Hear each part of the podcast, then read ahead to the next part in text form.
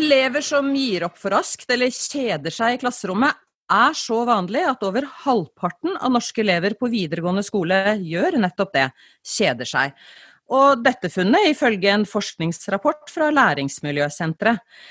Är det blivit slik att skolan bara må vara gøyal för att eleverna ska hålla ut, eller handlar detta också om andra faktorer? Och kan eleverna lära sig, eller träna på, mer uthållighet? Välkommen till lärarrummet. Jag heter Vigdis Alver. Och jag heter Marianne Olsen Brøndtveit. I ett klassrum jobbar några elever även om de inte får det till med en gång. Medan andra har en lavere terskel både för frustration och tap av motivation. Några elever närmast godtar att de misslyckas på skolan, andre er sikre på at de ikke vil lykkes allerede før de starter. Og i tillegg, i dette regnestykket, så ligger det læringsmiljø, relasjoner til læreren og medelevene. Med oss inn hit for å snakke om dette temaet representerer gjestene både forskning og klasserom, og i episoden den spilles også inn via en digital plattform fra fire ulike steder. Og vi sier først velkommen til deg, Nina Simonsen, lektor og sosialpedagogisk rådgiver på Stavanger Offshore Tekniske Skole. Hei, hei. Og velkommen til deg, Agneta Guls. Deg har vi henta fra Sverige. Du er professor ved Lund universitet og ved Linköping universitet, hvor du bl.a. forsker på kognisjon. Hei, hei. Og Guls, hvordan vil du definere utholdenhet? Ja, det är att kunna stanna i en aktivitet, att hålla ut och inte lämna den fast att det tar emot på något sätt. Att det inte flyter på, det går inte framåt, eh, inget händer, kanske segt, kanske har man kommit till en platå. Då behövs det uthållighet. Ja, och du har ju forskat på detta sammen med kollegor. eller forskat på detta med kollegor och dere har bland annat undersökt hur digitala læremiddel kan brukes i undervisningen. Bl.a. ved hjelp av et historiespill som ble designet slik at alle elever skulle kunne møte oppgaver de ikke klarte å løse, altså ikke gi opp. Og 108 elever mellom 10 og 12 år ble observert i opptil tre uker mens de spilte dette digitale historiespillet.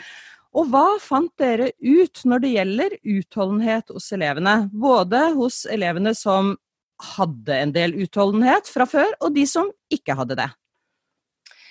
Ja, vi, eh, vår forskning här den kom fram till saker som stämmer väldigt bra med sånt som är gjort i mer omfattande forskning. Men eh, en viktig sak är att eh, uthållighet är någonting som går att träna. Det, det går att, att, arbeta med det. Det skulle jag säga är, är kanske en av de viktiga. Det visar ju också att Självbilden är viktig. Det går att få igång brukar kan säga, positiva snöbollseffekter. Men jag vill också tillägga att vårt lärspel var egentligen på sikt skulle man kunna göra det så att det verkligen också kunde stödja olika elever. Men nu så använder vi det som forskningsverktyg, mycket för att kartlägga och försöka förstå vad är det som händer med olika grupper av elever. Och det var därför vi såg till att alla i något skede skulle mm. hamna i det här att det tar emot. Mm. Nu kommer jag inte enkelt vidare. Vad gör jag då? Mm. Og dere henta bl.a. inspirasjon til forskningen fra et team ved University of Michigan, som har sett på elevers utholdenhet i matematikk. Og hvorfor er matematikk spesielt interessant i denne sammenhengen? Det finns väldigt många ovanligt många barn eller unga som har svårt med matematik.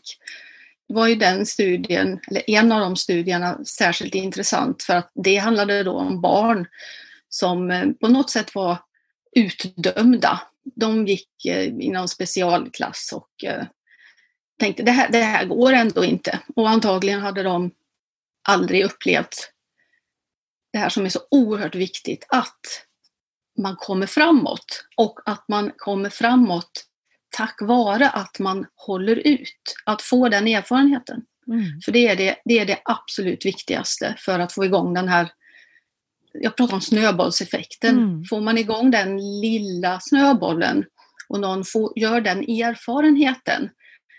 Det är nämligen så att upplevelsen av att komma framåt, det, vi är byggda så att vi får en liten belöning, en liten neurokemisk belöning då. Och då ökar ju chansen att man vill fortsätta eller att man gör detta igen.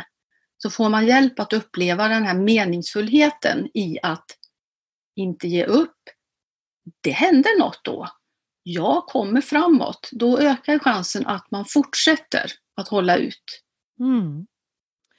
Ja, för forskningen vi, vi snakker om här, den visar ju att eh, uh, utholdenhet det är ikke et eh, personlighetstrekk som man enten har eller ikke, men at det går an å trene på det, som du har vært inne på nå, at lærere kan skape en forutsetning for slik trening. Og hva er det lærerne kan gjøre for at elevene skal lære seg mer utholdenhet, eller at de skal få denne, denne snøballeffekten som du snakker om? Vad ska lärarna göra i klassrummet? Alltså det är två stycken komponenter som måste vara båda på plats. Det ena är det emotionella stödet. Många av de här eleverna som har svårt, de, de tror ju inte på sig själva, de har svag självtillit. Så det, läraren måste tro på, på, på eleverna och, och, visa det så att de förstår det. Men, och det är det viktiga, det är inte tillräckligt. Och den här, en av artiklarna, de här forskarna som vi pratade om, den heter just Beyond you can do it. För att, att bara säga till någon, jag tror på dig, kämpa på, du kan. Det räcker naturligtvis inte om det inte händer någonting. Så nummer två är, det är metodik. Mm. Man måste också iscensätta en undervisning där, som är byggd med de här kanske små stegen, med delmål som eleven upplever som att jag gör framsteg. Och det har att göra med att jag satt kvar och prövade lite till. Så om man utformar den typen av uppgifter där eleven måste få göra erfarenheten. Jag håller ut och det kan löna sig för mig. Och de två, och det gör ju att det måste vara en ämneskunnig, en pedagogiskt ämneskunnig som kan få till de här båda.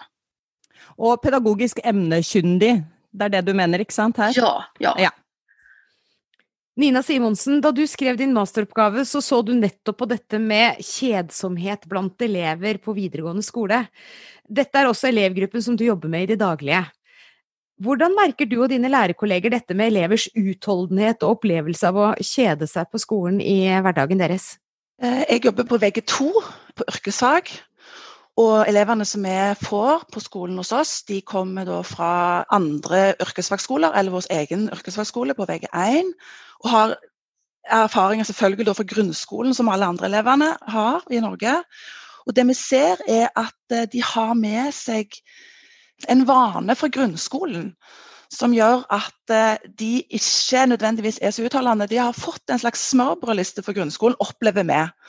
Som gjør det litt sånn enkelt for de å løse oppgaver. Så når de da opplever utfordrende oppgaver hos oss, så har de liksom ikke metoden til Eller, tål, eller de tåler ikke å stå i den utfordringen. Så vi ser at de har liten utholdenhet. Det gjelder jo selvfølgelig ikke alle. Eh, og de klarer ikke helt ta ansvar for sitt eget læringsarbeid. og Det er kanskje noe vi forventer på når du har kommet på VG2. Ja, det som er viktig når vi får nye elevgrupper, det er at vi bruker masse tid i oppstarten på å avklare forventninger, eh, lage gode strukturer, gi gode og innholdsrike framovermeldinger i alle mulige sammenhenger. Og På den måten så opplever vi at eh, elevene utvikler eh, utholdenhet utover skoleåret. Men det er noe som vi er bevisste på, og som vi jobber aktivt med. Ja, for dette peker jo litt tilbake på det Guls også pekte på med emosjonell støtte ja. og metodikk. Men hvordan kan kjedsomhet og mangel på motivasjon vise seg da med tanke på motstand og kanskje også i ytterste konsekvens frafall og mistrivsel? Altså, når du står i klasserommet, så er det jo veldig enkelt å se at noen ikke er påkobla. Og mm, de fleste av oss har jo sånn at innimellom så detter vi litt ut, og så klarer vi å koble oss på igjen. Men de som da ikke klarer å koble seg på igjen, de vil jo da på en måte få dette eh, gjenkjennende tegnet på kjedsomhet. At eh, de blir sånn fraværende. Du merker at eh, det er liksom ikke helt snakkbart til osv. Så, videre. så det er veldig synlig når noen kjeder seg i klasserommet. Det, er, det vil jeg tro at de aller fleste lærere mm, syns er enkelt å se. Men blir det lätt att man enten mener att detta ligger enten hos eleverna eller hos metodikken till den enkelte lærer? Altså Blir det lätt en todeling här? Um det vet jeg egentlig ikke. Det er jo sammensatt, eh, en sammensatt utfordring. For de elevene vi har, de kommer jo fra dette samfunnet som alle lever i. Og med liksom quick fix, det er jo liksom det det handler om nå til dags. Sånn at eh, De er jo bare et resultat av det samfunnet vi lever i. Så jeg opplever i hvert fall på egne vegne, jeg kan ikke snakke på andre vegne enn meg sjøl, men at denne jobben med å utvikle utholdenhet, det er jobben til pedagogen. Og det er ikke elevene sin skyld. Og så må vi da med hjelp av metodikk klare å utvikle utholdenhet. Og i forhold til den forskningen eller studien som jeg har skrevet, den masteroppgaven som jeg har skrevet, så, så er det dette med emosjonell støtte som er kjempeviktig. og Det ser jeg virker veldig godt i klasserommet. Og i tillegg så er det dette med autonomi, at elevene opplever at de får lov å være med og bestemme, ha medbestemmelse. Og, og, det høres ut som en sånn enkel enkel greie. Og det er det for så vidt òg, men du må bruke masse tid. Og det, gjelder, det, det, går over hele skoleåret. Det er liksom noe du jobber med kontinuerlig. Ja, Gults, du önskade att kommentera detta. Ja, jag vill hålla med her. Det är viktigt att se att, eh, att det överlag är så att eh, vi ser mindre uthållighet idag. Alltså det är någonting som har hänt över tid. Så att det är ju långt färre. När vi gick i skolan. Det, om man satt och tittade på en film 45 minuter så var det inget konstigt att sitta där under 45 minuter alla och titta på den där filmen och det är mycket, mycket svårare i ett klassrum idag. Det är mycket färre som, som kan sitta i 45 minuter och titta på en film. För man är ju van vid att växla aktiviteter ofta och och, och, det har ju med samhället att göra så att de unga har det mycket svårare idag. Det är digitaliseringen i väldigt hög grad, det är utbudet, tempot. Så att man får ju andra, de gör ju andra erfarenheter. Och jag tycker därför att skolan är oerhört viktig där att försöka hjälpa alla att träna fokus och uthållighet. För fokus har ju en koppling till detta. Uthållighet är att kunna fokusera på en sak tillräckligt länge. Och det finns ingenting som är viktigare än att lära sig fokus och uthållighet. För det är ju då man blir någon som kan lära, som kan fortsätta lära.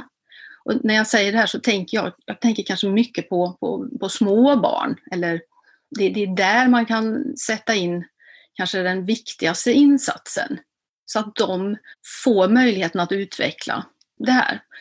Till exempel så, så kan det vara att säkra att alla elever får den här tiden då det är lugn och ro och man gör en sak. Och det kan vara att alla ska få erfarenhet av att man sitter i ett samtal, en sammanhållen stund och pratar om en sak. Och inga skärmar. Inget som stör, inget som kan avbryta. Så det här med skärmarna, är, det är oerhört viktigt. Mm. Ja, Når du sier det med skjermer, så er jeg helt enig med deg. For det er, merker det sjøl når jeg sitter i en eller annen sammenheng og skal høre på noen over tid. Så er det så fort gjort at eh, du av en eller annen grunn på en måte ikke klarer å koble deg på eller koble deg av. Og så blir det så lett å falle på skjermen.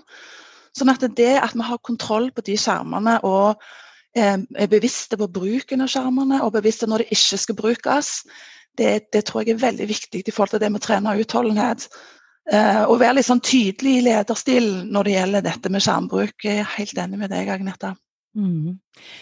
Men Guls, eh, samtidig så mener jo du og kollegene dine at digitale læremiddel, og da i kombinasjon med en lærer, kan være best hjelp og gi best resultat for elever da, som f.eks. sliter med å holde ut eller med motivasjon i, i skolen. Og kan du si litt mer her? Ja, det är inte digitala läromedel som sådana. Det, det menar jag absolut inte. De är generellt inte, inte bra. Det, mm. en bra lärare är överlägset bäst att jobba med de här sakerna, men bra digitala lärresurser kan komplettera en lärare. Särskilt om de är byggda på det här viset som vi var inne på, att de har mm. de här väldigt små deluppgifterna. Det är väldigt tydligt för eleven att jag kommer framåt. Mm. Men då ska man tänka på att då används ju den digitala lärresursen av ett bestämt pedagogiskt skäl. Det är läraren vet varför den används och då är ju det digitala med alla sina skärmar fantastiskt. Det jag pratade om innan var att vi, har, vi är vana vid att ha den där mobilen vid sidan av jämt och ständigt. Men någon sa, det här är på engelska nu, men young people need to be allowed a space in their lives where they are not permanently available to others online immediately contactable. Mm. Och bara det, det, det, är ju en form av oro. Och det vet vi. Man har gjort studier där en del, halva, halva klassen får ha sina mobiler, de ligger bara där. Mm. Den andra halvan har de, in, andra halvan har inte dem. Och de som inte har mobilen ens i närheten, de presterar bättre. De mm. fokuserar bättre, de är mindre liksom splittrade. Och jag vet väldigt, väldigt många exempel där elever, de, de tackar så att säga, skolledningen när skolledningen bestämmer att här har vi skärm ner, här har vi mm. mobilfritt. Default är skärm ner. De tackar dem de, de iscensätter inte det själva, men när någon annan bestämmer det. Och det som händer är ju att man får äntligen upplevelsen och erfarenheten av det där andra. För tänk de som inte har det. Och det, här har vi alltid en klassfråga, hävdar jag. Vilka är det som från hemmet är vana vid att ibland är det skärmfritt, ibland sitter vi i lugn och ro och bara pratar. Mm. Jo, men det är de som kommer ifrån resursstarka hem. Så det är de från resurssvaga hem som behöver få de här upplevelserna och erfarenheterna. Och det, det spelar stor roll om man vill utveckla fokus och uthållighet. Ja, mycket som ska klaffa här alltså, men um, lite tillbaka till sammanhangen mellan lite uthållighet och det att mista motivationen. Vad är orsak och virkning här, tänker du Guls? Ja, alltså motivation är ett, eh, det är ett nyckelbegrepp men det är också komplicerat. Och ganska mycket så har vi liksom ett, det finns en tendens till ett sånt där svartvitt begrepp så att motivation, att det, en del tänker att det betyder då att vara motiverad, det betyder att det här är kul, det är stimulerande, det är meningsfullt för mig. Eller så är det inte motiverande. Och det där är ett farligt sätt att tänka på det om vi är i ett klassrumssammanhang och egentligen annars också, vill jag påstå. För att motivation, dels har det alltid både en inre komponent, det är den här känslokomponenten. Sen har det en yttre komponent och det är ju sammanhanget kring en aktivitet. Och sammanhanget spelar också väldigt stor roll. Man måste alltid tänka, jag kanske inte tycker, om jag får välja fritt och sitter hemma, att jag vill sitta och skriva ett brev på engelska. Men i klassrummet när engelskläraren har gett det som uppgift och de andra också sätter igång och skriver brev på engelska, då kan det vara en helt okej okay sak att göra. Och sen vill jag säga att de här, det här, den här känslokomponenten, den är ju i allmänhet den är sammansatt. Och det finns många, många fler känslor där än det här engagemanget och den stora liksom, meningsfullheten eller flow som vi ibland pratar om. Utan det kan handla om att ja, jag, jag känner att jag vill få det här gjort. Det känns som att jag vill få det gjort. Jag känner att jag har ansvar för andra. Jag tycker inte det här är fantastiskt kul men ja, det behövs. Jag måste, behöver göra det för jag har ansvar för andra som i sin tur beror av mig. Eller jag, jag kan känna, det gick inte förra gången men nu känner jag att jag vill ha revansch. Det är också en känsla.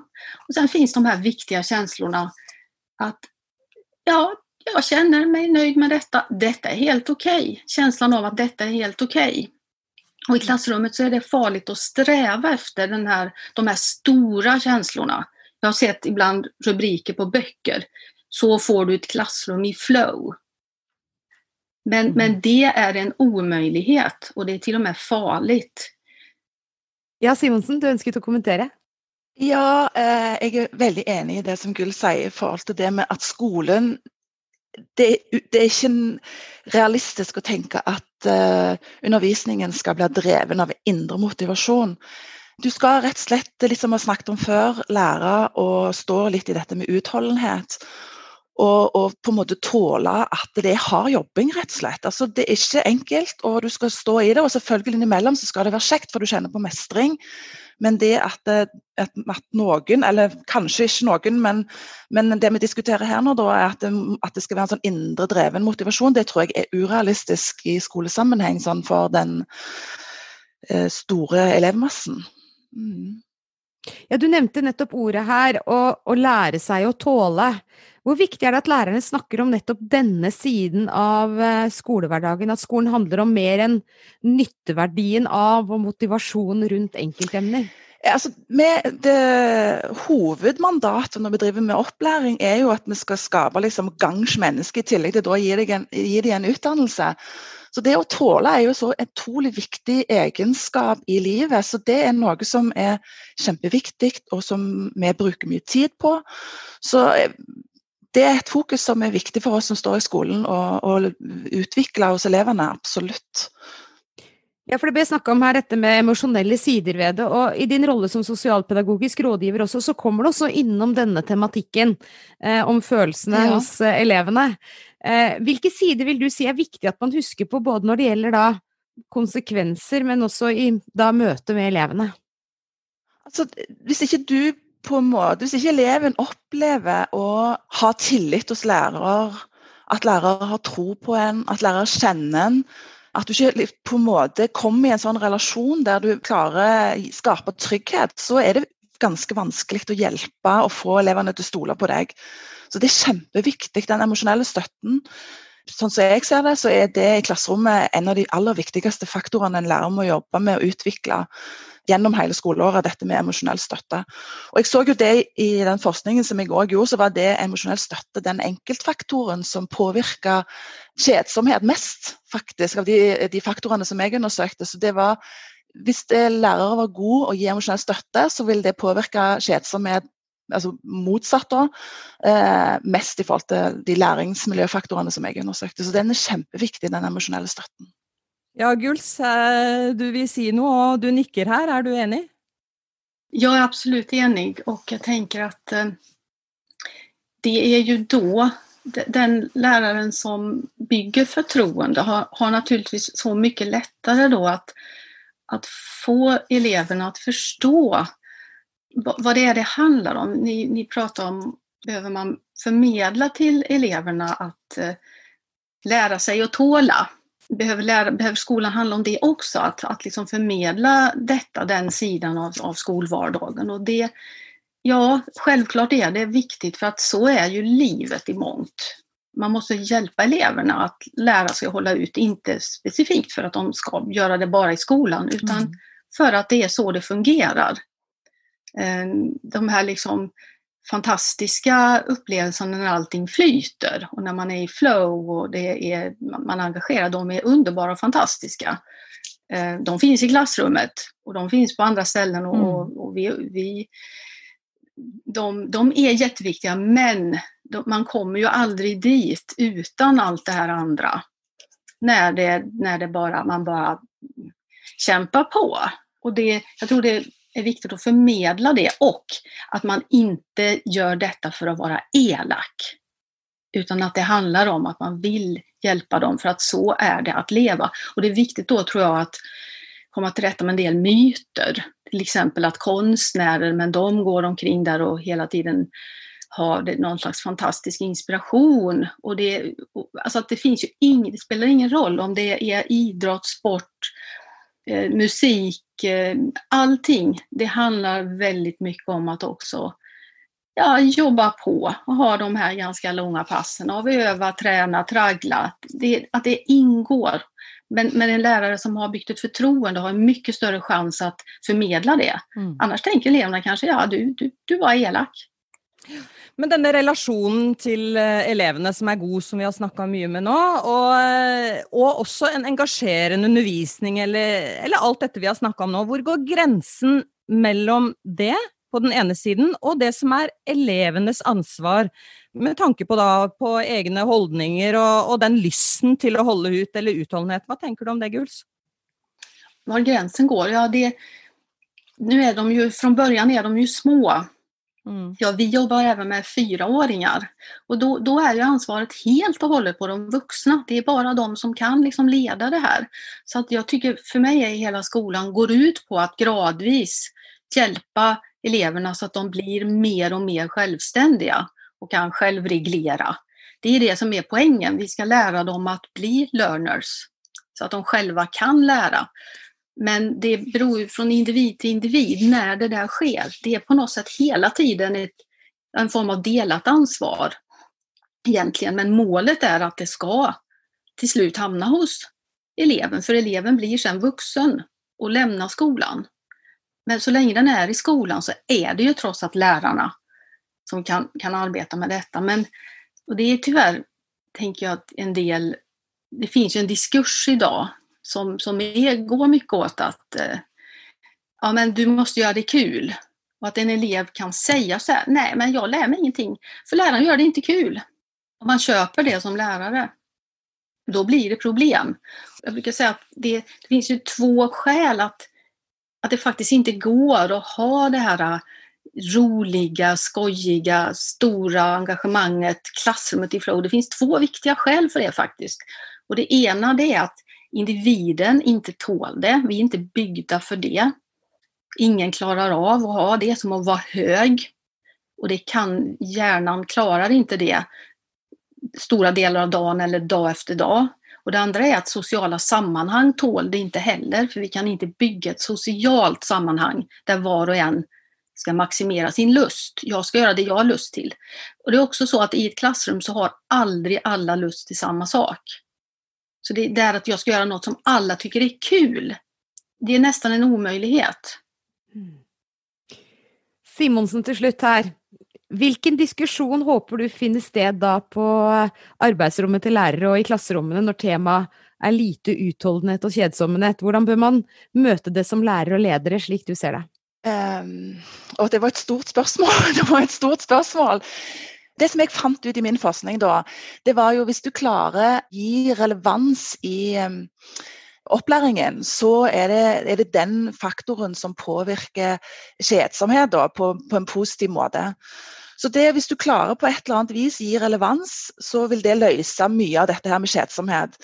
Og Det kan høres ut som en sånn enkel sak, men eh, det er jo selvfølgelig ikke det. da. Det er jo, det jo knytta sammen til de andre faktorene som vi har snakket om, som emosjonell støtte og, og, medvirkning. Og Da tenker jeg at det er viktig at dette blir snakket om. At eh, skoleledelsen tar tak i det, videreutvikler det, har det som et fokusmål. Fordi at, sånn som jeg ser det, så er kjedsomhet det er dessverre et eh, problem som har kommet for å bli, og det utvikler seg for å det blir større og større fra år til år, som viste i hvert fall de tallene som jeg så på. Så dette her er noe som vi er nødt til å ta tak i. Um, så jeg håper at skoler og skoleledelse og lærere jobber målbevisst med dette. Ja, og her fikk dere gode innspill til uh, samtaler om elevers uh, utholdenhet. Og tusen takk til gjestene våre Nina Simonsen og Agneta Guls. Og tusen takk til dere som lytter på lærerrommet. Marianne og jeg vi sier takk for følget i denne episoden. Det gjør vi, Vigdis, og vi minner dere også på at dere finner mange flere episoder om temaer fra utdanningsfeltet i deres podkastkanal. Vi er tilbake om ikke lenge. Takk for nå. Ha det bra!